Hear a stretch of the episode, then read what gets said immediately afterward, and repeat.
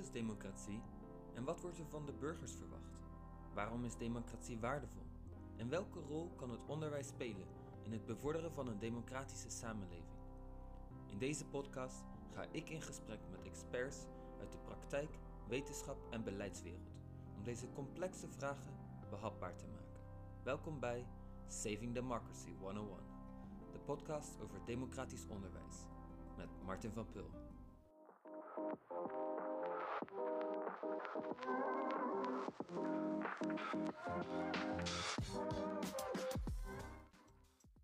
Wat fijn dat je naar de eerste aflevering van mijn podcast luistert. Mijn naam is Martin en ik kan me goed voorstellen dat je een paar vragen hebt. Wie ben jij? Hoe gaat deze podcast de democratie redden? En wat heeft die panda in je logo ermee te maken? Ik denk dat ik deze vragen het beste kan beantwoorden door je meteen een stukje mee terug in de tijd te nemen. Naar het jaar 2015. Het was het jaar van de Charlie Hebdo-aanslag. Het jaar van de migratiecrisis. En het jaar van de Parijse klimaattop. Maar voor mij was dit echter vooral het jaar waarin ik terug naar Nederland verhuisde om hier te studeren. Uit interesse voor politiek volgde ik destijds het nieuws rond de Amerikaanse verkiezingen op de voet. Trump als president van Amerika, dat leek eerst een kansloos scenario. Maar zoals vele anderen stond mij een grote verrassing te wachten. Achteraf was er voor mij één grote vraag. Hoe kon het zijn dat Amerika een president had gekozen met zulke overduidelijke autoritaire trekjes? Dit was het begin van mijn besef dat democratie niet iets is wat vanzelf overeind blijft. Dat privileges zoals vrijheid en gelijkheid, waar we dagelijks onbewust van kunnen genieten, afhankelijk zijn van een bevolking die de democratische normen en waarden onderschrijft. Voor mij was het alsof er een alarmbel was afgegaan. En sindsdien is deze alarmbel steeds harder gaan klinken. Demonstraties die gewelddadig worden, aanvallen op journalisten en politici, complottheorieën die alsmaar populairder worden. Voor mij zijn dit allemaal maar een paar van de redenen dat we ons zorgen moeten maken over de stabiliteit van ons democratisch stelsel. Maar wat is democratie dan? Ik ben zeker niet de juiste persoon om hier het antwoord op te geven. Maar nu jullie er toch zijn, democratie is voor mij zoveel meer dan verkiezingen en volksvertegenwoordigers. Ik zie het als een verzameling van normen en waarden, die voorop stellen dat we de vrijheid hebben om verschillend te zijn, maar ook gelijkwaardig te zijn. En dat we de meningsverschillen die hieruit voortkomen geweldloos oplossen. Dit betekent dat we de vrijheid hebben om onze ideeën uit te kunnen spreken, zonder er bang voor hoeven te zijn dat we achtervolgd zullen worden. Dat we onze stem kunnen laten horen en we samen bepalen hoe we de samenleving kunnen verbeteren. Het vraagt ook van ons dat we soms moeten accepteren dat we onze zin niet krijgen. Wat zeker niet hetzelfde is als je erbij neerleggen. Binnen de democratie zijn er altijd opties om je ongenoegen te laten horen en te proberen anderen te overtuigen, zodat de volgende keer de uitkomst van het proces meer naar jouw zin is. Altijd met respect en zonder geweld. Misschien is dit te complex, of te traag, of te saai. Misschien beschouwen we de waarde hiervan als vanzelfsprekend. Maar als ik lees over hoe mensen in autoritaire landen hun levens op het spel zetten tegen onderdrukking en voor democratie, dan ben ik overtuigd dat een complexe democratie beter is dan enig alternatief dat onze vrijheid en gelijkheid opoffert voor iets simpeler en efficiënters. Ik ben bang dat we het ons pas zullen realiseren wanneer het te laat is, dat het wegstemmen van democratie niet kan worden ongedaan via de stembus. Ik geloof dat we nu voor democratie moeten strijden, zodat we er later niet voor moeten vechten. Eén manier om te strijden voor de democratie is door bij te dragen aan democratisch onderwijs. Onderwijs dat de volgende generatie voorbereidt om deel uit te maken van een democratische samenleving. Na jaren van oproepen om de burgerschapsopdracht van het onderwijs te verduidelijken, kwam er eindelijk gehoor. Sinds 1 augustus 2021 is het wettelijk vastgelegd dat scholen door op een doelgerichte en samenhangende wijze te werken aan burgerschapsvorming, om leerlingen kennis en respect bij te brengen voor de basiswaarden van de democratische rechtsstaat en ieders grondrechten. Ondanks deze poging tot verduidelijking blijven democratie en burgerschapsonderwijs urgente en complexe vraagstukken. In deze podcast wil ik in gesprek gaan met inspirerende experts uit de praktijk, wetenschap en beleidswereld om deze complexe vragen behapbaar te maken. In deze eerste aflevering maak ik daar een begin aan door in gesprek te gaan met Menno Hurenkamp en Evelien Tonkens. Over wat burgerschap is en waarom het belangrijk is. Menno en Evelien zijn de ideale gasten om deze podcast mee te beginnen. Samen houden ze zich al meer dan 20 jaar bezig met burgerschap.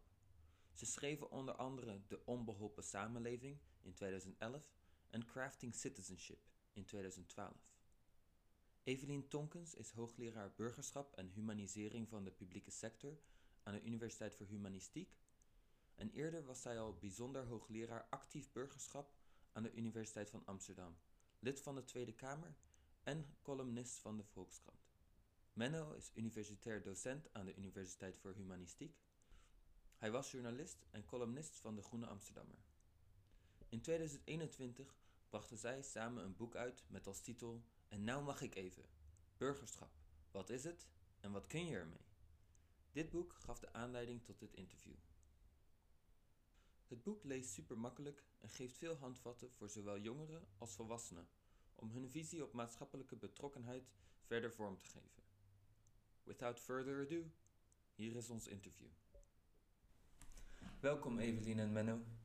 Jullie zijn de ideale gasten voor deze introductieaflevering van een podcast over democratisch onderwijs. Jullie boekje, En nou mag ik even, geeft een toegankelijke en overzichtelijke inleiding tot vraagstukken rond burgerschap.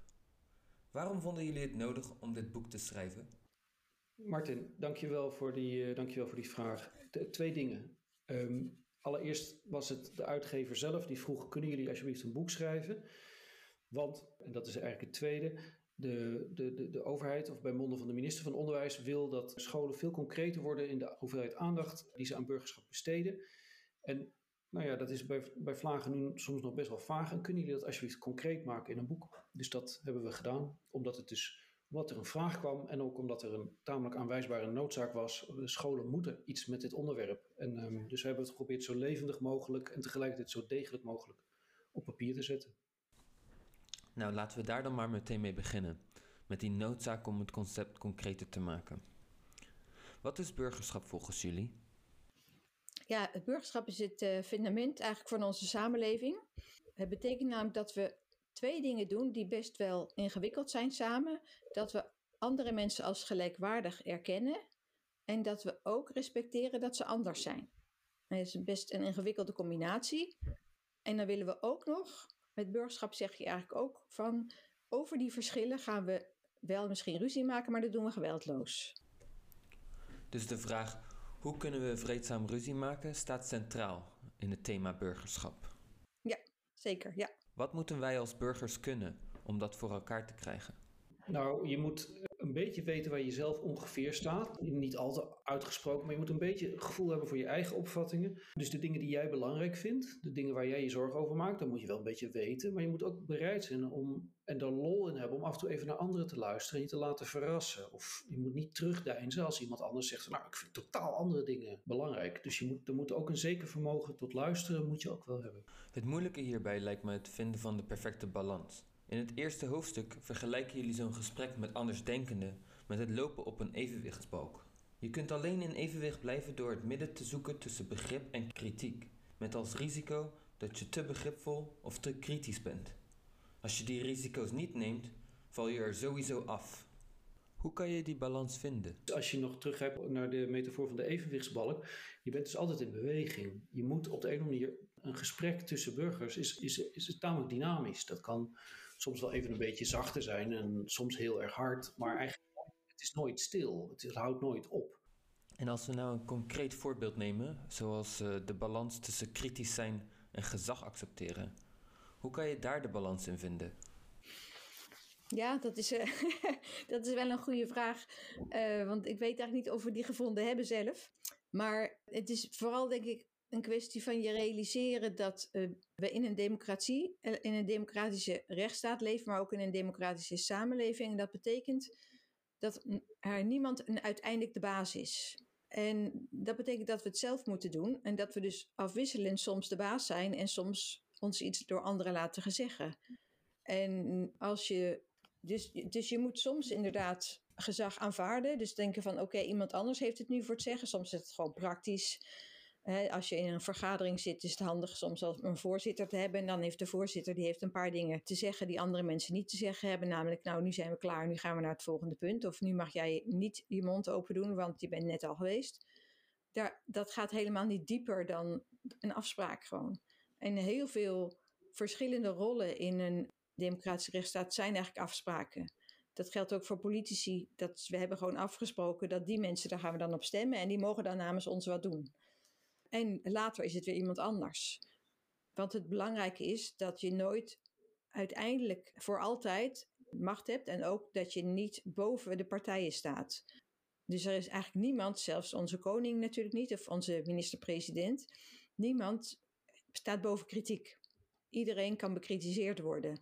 En dat is heel belangrijk om iedereen een beetje in het gareel te houden en een beetje, nou ja, enige bescheidenheid krijg je dan ietsje eerder dan wanneer je een absolute uh, heerser bent en nooit iemand meer tegen jou ingaat. Maar omdat we dus geen absolute heerser hebben, willen, is het enige dat we dat afwisselen. Dat we zo nu en dan een rol spelen van nu ben ik eventjes uh, in enige mate de baas. En op een ander moment ben ik dat niet en dan moet ik naar jou luisteren. Dus het besef dat we niet willen dat iemand de absolute macht heeft, of zoals jullie het ook in het boekje noemen, dat niemand de eindpaas kan spelen, moet ons motiveren om verschillende rollen te accepteren. Duidelijk. Ik zou graag van onderwerp willen wisselen naar een andere cruciale vraag in het thema burgerschap. Een van de waarden van democratie is dat het, zoals jullie het in het begin ook benoemden, inclusief is voor verschillende perspectieven. Hoe zorg je ervoor dat de invulling van democratie een gedeeld kader blijft, waar een groot deel van de maatschappij zich in kan vinden en dat het niet te veel uit je eigen politieke stroming komt? Um, ja, dat is inderdaad ook een goed punt. Maar in principe is dat natuurlijk wel te vermijden door je te bedenken dat uh, burgerschap gaat aan de ene kant over individuele vrijheid. Dus je hebt zelf als individu rechten. En die vrijheidsrechten die zijn heel belangrijk. En ook betekent dat dat andere mensen die moeten respecteren. En dat je een samenleving moet hebben waarin je een beetje zeker van bent dat als die niet gerespecteerd worden, dat de politie en de rechter dan uh, daar serieus naar kijken en niet partijdig zijn. Nou, die vrijheid, dat is natuurlijk een politieke stroming. Er zijn veel politieke partijen die dat heel belangrijk vinden. En dat is ook een belangrijk aspect van burgerschap. Maar tegelijkertijd gaat burgerschap ook over dat je dat wel doet in een gemeenschap. Dus er zijn altijd, er is altijd een gemeenschap, een, een rechtsstaat, maar ook uh, een organisatie of een school of een club, waarin dat burgerschap gerealiseerd moet worden. En er zijn ook politieke stromingen die wat meer nadruk leggen op die gemeenschap. En die is inderdaad ook belangrijk. En dan zijn er natuurlijk voor goed burgerschap dus heb je een democratische rechtsstaat nodig, dus vrijheidsrechten. Maar je hebt ook een verzorgingsstaat nodig, omdat een verzorgingsstaat het mogelijk maakt dat iedereen een beetje op gelijke voet kan participeren. En niet sommige mensen heel erg rijk zijn en anderen heel erg arm. En sommige mensen wel onderwijs hebben en anderen niet. En die aspecten van de verzorgingsstaat, ook daarvoor zijn weer politieke partijen. Dat zijn dan vaker de sociaal-democratische of in ieder geval linkse partijen die de nadruk daarop leggen. Dus als je dat bij elkaar optelt, dan kan je zeggen, ja, dus zowel de liberalen als de christendemocraten, die meer van de gemeenschap zijn, als de linkse partijen, de sociaaldemocraten, die wat meer zijn van de voorwaarden om op voet van gelijkheid samen te gaan, dan heb je eigenlijk alle politieke stromingen wel vertegenwoordigd in die ene opvatting van burgerschap. Oké, dus uh, het is een uh, combinatie van wat verschillende stromingen belangrijk vinden rond democratie ja, wat er voor nodig is om inderdaad vreedzaam ruzie te maken. En elkaar niet de hersens in te slaan. En dan zeggen de liberalen, dat heb je vooral vrijheid voor nodig. Dus de, traditioneel de christendemocraten zeggen, daar heb je vooral een gemeenschap voor nodig. En uh, sociaaldemocraten zeggen, daar heb je vooral voorzieningen voor nodig om te zorgen dat je een uh, fatsoenlijk leven kunt leiden. Ja, en in jullie boekje staat dit nog iets uitgebreider uitgelegd. Voor zij die dit een interessant onderwerp vinden, zou ik, en nou mag ik even zeker aanraden. Nou, Zo hebben we in korte tijd het al gehad over wat burgerschap is en welke vaardigheden daar onder andere bij komen kijken. Maar waarom is het belangrijk om hier aandacht aan te besteden? We kunnen toch om de vier jaar gaan stemmen? De rechtsstaat staat er toch? Nou kijk, die rechtsstaat moet onderhouden worden. Dat is het eerste. Als we niks doen, dan stort die rechtsstaat vroeg of laat in. Kijk, op het moment dat iemand, uh, dus laten we gewoon een voorbeeld van vandaag nemen. Thierry Baudet is veroordeeld door de rechter omdat hij op een uh, verkeerde manier, naar het oordeel van de rechter, uh, vergelijkingen met de holocaust maakte. Ik denk overigens dat die rechter daar volkomen gelijk in had. Maar je kunt ook zeggen, ja, een volksvertegenwoordiger, wat de advocaat van Baudet zei, een volksvertegenwoordiger moet eigenlijk alles kunnen zeggen wat hij wil. Je moet hem niet te veel in de weg leggen, want daarvoor is het een volksvertegenwoordiger. Voor een politicus gelden andere regels dan voor een gewoon burger. Maar hoe dan ook, ehm, het is een vorm van onderhoud van de rechtsstaat, dat er getwist wordt over wat je wel en niet mag zeggen. En Burgers moeten dat onder elkaar uitvechten en politici moeten dat ook uitvechten. En dat verandert door de tijd heen. Dus mensen proberen voortdurend uit: mag ik dit zeggen? Mag ik dit doen? Mag ik dit, mag ik dit beweren? En af en toe zegt, uh, zegt, zegt uh, de samenleving dan van, nou, ik vind eigenlijk niet. En dan roept iemand zegt, ik vind dat je voor de rechter moet komen, want ik vind dat je daar je mond over moet houden. En dan wordt die rechtsstaat dus opnieuw, ja, dan worden de, rechts, de, regels opnieuw vastgesteld. Dit zijn de regels waarlangs wij burgerschap bedrijven.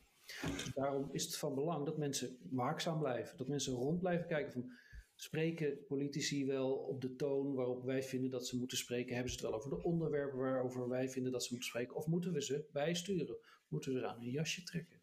Als je achteruit gaat zitten, stort het zeker in.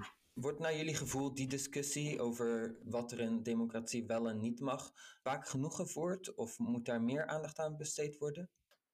Nou, ik denk, ik denk wel dat er in ieder geval reden tot zorg is over het publieke debat en ook het democratische debat. Marion uh, Koopmans heeft deze week nog uh, gezegd van ja, het is eigenlijk te gek dat ik, ik, ik doe gewoon mijn werk en ik probeer iets te zeggen over wat, wanneer mensen hoe we met corona moeten omgaan. En ja, ik probeer dat gewoon op een nette manier te doen. En ik denk daarbij aan de volksgezondheid. En je mag het wel niet met me eens zijn, maar ik word nu echt op allerlei manieren op onaangenaam uh, bedreigd en ik voel me eigenlijk niet meer veilig. Uh, ja, dat is natuurlijk wel een, een, een, een, noodsignaal. En ze zegt ook terecht van ja, het gaat niet alleen om mij, maar het gaat erom dat heel veel artsen, maar ook rechters en politici en bestuurders, dat die, dat, dat, dat die daar heel veel last van hebben. Dat mensen dus niet uh, op een vreedzame manier inderdaad ruzie maken, maar dat ze meteen bedreigen. En dat is wel heel zorgelijk. En ik, we mogen aan de signalen die we daarover krijgen, daar, op grond daarvan mogen we aannemen dat het ook is toegenomen uh, de afgelopen decennia. En dat het dus toch ja, een substantieel aantal mensen vindt dat je eigenlijk wel met geweld ruzie mag maken. En hoe is dat zo gekomen, denken jullie? Nou, kijk, een van de dingen die, eh, die je dus echt inderdaad duidelijk ziet, is dat sociale media, en dan met name Twitter, heeft echt een geweldsversterkend effect. Dat staat ook ondubbelzinnig vast in onderzoek, dat, dat, dat alle negatieve signalen die er in de samenleving zijn, komen sterker naar voren vanuit Twitter. Dus het, het medium Twitter wordt heel effectief gebruikt door mensen die op de een of andere manier er belang bij hebben om complottheorieën, geweldsfantasieën, racisme, dat type dingen, om daar uh, meer dynamiek achter te zetten. Um, het, is niet, het is niet de enige verklaring, maar een van de verklaringen is dus dat, het, dat, dat zeg maar die elektronische media, dat, ja, dat, dat is natuurlijk iets relatief nieuws van de afgelopen 15, 20 jaar. Mensen moeten daarmee leren, we moeten dat ons eigen maken. Van wat zijn fatsoenlijke uitingen en wat kun je eigenlijk beter achterwege laten? En wat is de manier om daar een einde aan te maken. En we stippen dat in dat boekje ook wel aan. Het werkt natuurlijk niet helemaal om mensen individueel op de vingers te tikken. Van je mag dit niet doen en je mag dat niet doen. Want aan de ene kant blijf je, je blijft bezig, want het zijn honderden of duizenden mensen tegelijk. En aan de andere kant, er is ook gewoon wel zoiets als individuele vrijheid. Dus mensen voor zichzelf, die mogen een hoop. Maar je kunt natuurlijk wel, en dat gebeurt veel te weinig, de bedrijven die die sociale media faciliteren, of die die feitelijk zijn, Facebook of Twitter, daar, kun je tegen zeggen van, eens luisteren, jullie maken dat mogelijk. Dat moet afgelopen zijn.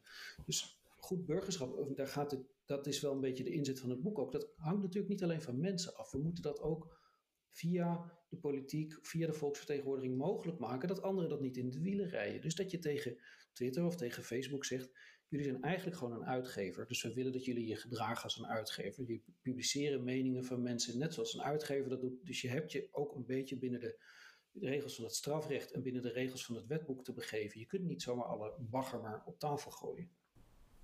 Volgens mij bevestigt dit ook wat we net al zeiden: dat we burgerschap moeten blijven beoefenen. We moeten met elkaar de dialoog blijven voeren over hoe we het beste geweldloos met elkaar kunnen ruzien, omdat de context van onze democratische samenleving blijft ontwikkelen. Ik zie het onderwijs als een belangrijk onderdeel in het voorbereiden van de volgende generatie op de moderne democratie. Hoe zien jullie dat?